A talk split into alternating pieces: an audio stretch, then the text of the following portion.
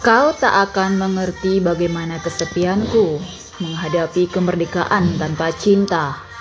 Kau tak akan mengerti segala lukaku karena cinta telah sembunyikan pisaunya. Membayangkan wajahmu adalah siksa.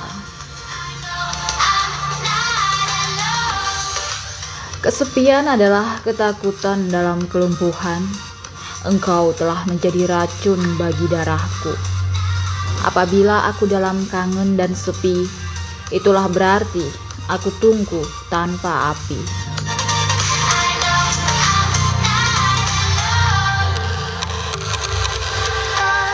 Hey yo, kembali lagi di podcast Surya. Kali ini materi kita adalah tentang puisi.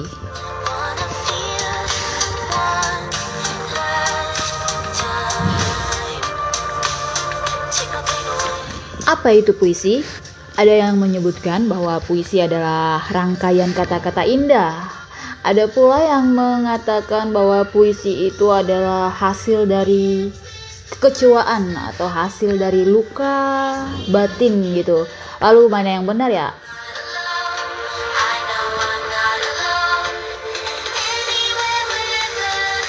Iya, tidak ada yang salah dengan definisi dua definisi tadi tergantung kita memaknai dari puisi. Namun saya tertarik dengan pendapat salah satu ilmuwan atau ahli linguistik, ahli bahasa yang menyebutkan bahwa puisi adalah luka yang berda bibir yang ters puisi adalah bibir yang tersenyum dan luka yang berdarah. Kira-kira apa maksud dari definisi tadi ya?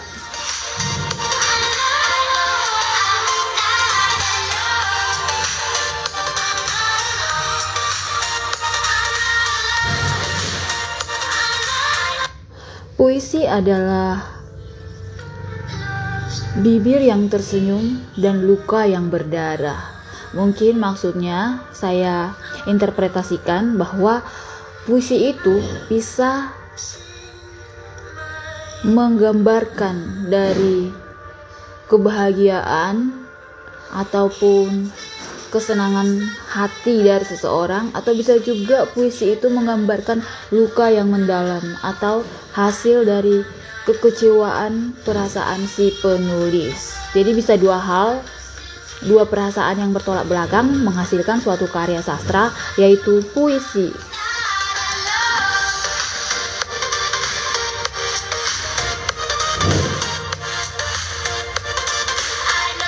Lalu bagaimana dengan kamu? Para pendengar, apakah kamu dapat membuat puisi dari suatu kebahagiaan yang kamu rasakan atau suatu kekecewaan yang kamu rasakan?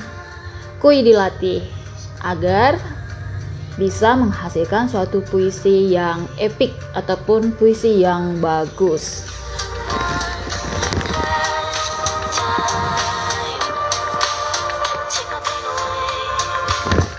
Kembali ke poin ataupun inti materi dari puisi. Di dalam puisi ada struktur fisik dan struktur batin.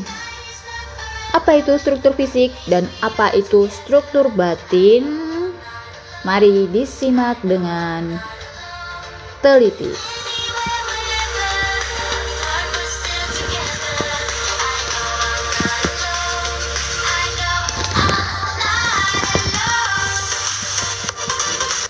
Kalau struktur fisik itu seperti tipografi atau bentuk puisi, apakah dia rata kanan atau rata kiri begitu. Nah, kalau diksi itu lebih ke pilihan kata yang digunakan. Bisa kita lihat dia menggunakan pilihan kata yang unik atau enak didengarkan. Apakah pilihan katanya menggunakan huruf huruf vokal di akhir itu adalah salah satu contoh diksi ataupun pilihan kata.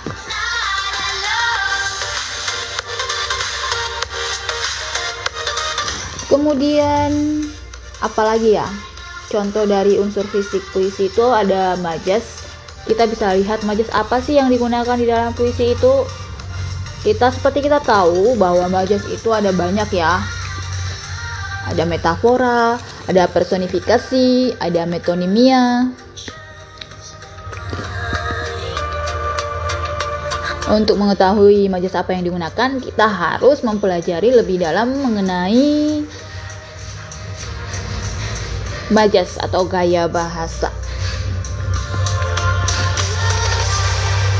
Lanjut ke struktur batin puisi. Batin lebih kepada rasa ya. Bagaimana sih rasa yang ditimbulkan oleh puisi itu setelah kita membaca? Apa tema dari puisi? Kemudian, apa nada yang terdapat dalam puisi, puisi tersebut setelah kita baca? Apakah nadanya marah? Apakah nadanya sedang bahagia? Kita bisa mengetahuinya setelah kita membaca puisi. Yang terakhir, unsur batin puisi adalah amanat. Apa maksud dari puisi yang telah dibuat oleh si penulis puisi tersebut.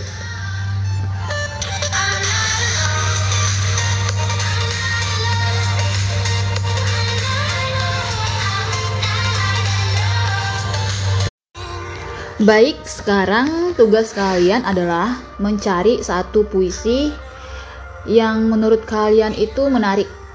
Kemudian, tentukan alasan mengapa kalian tertarik dengan puisi tersebut.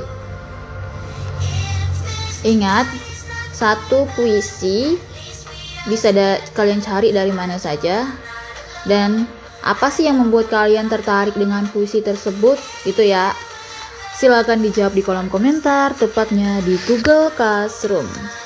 Check it out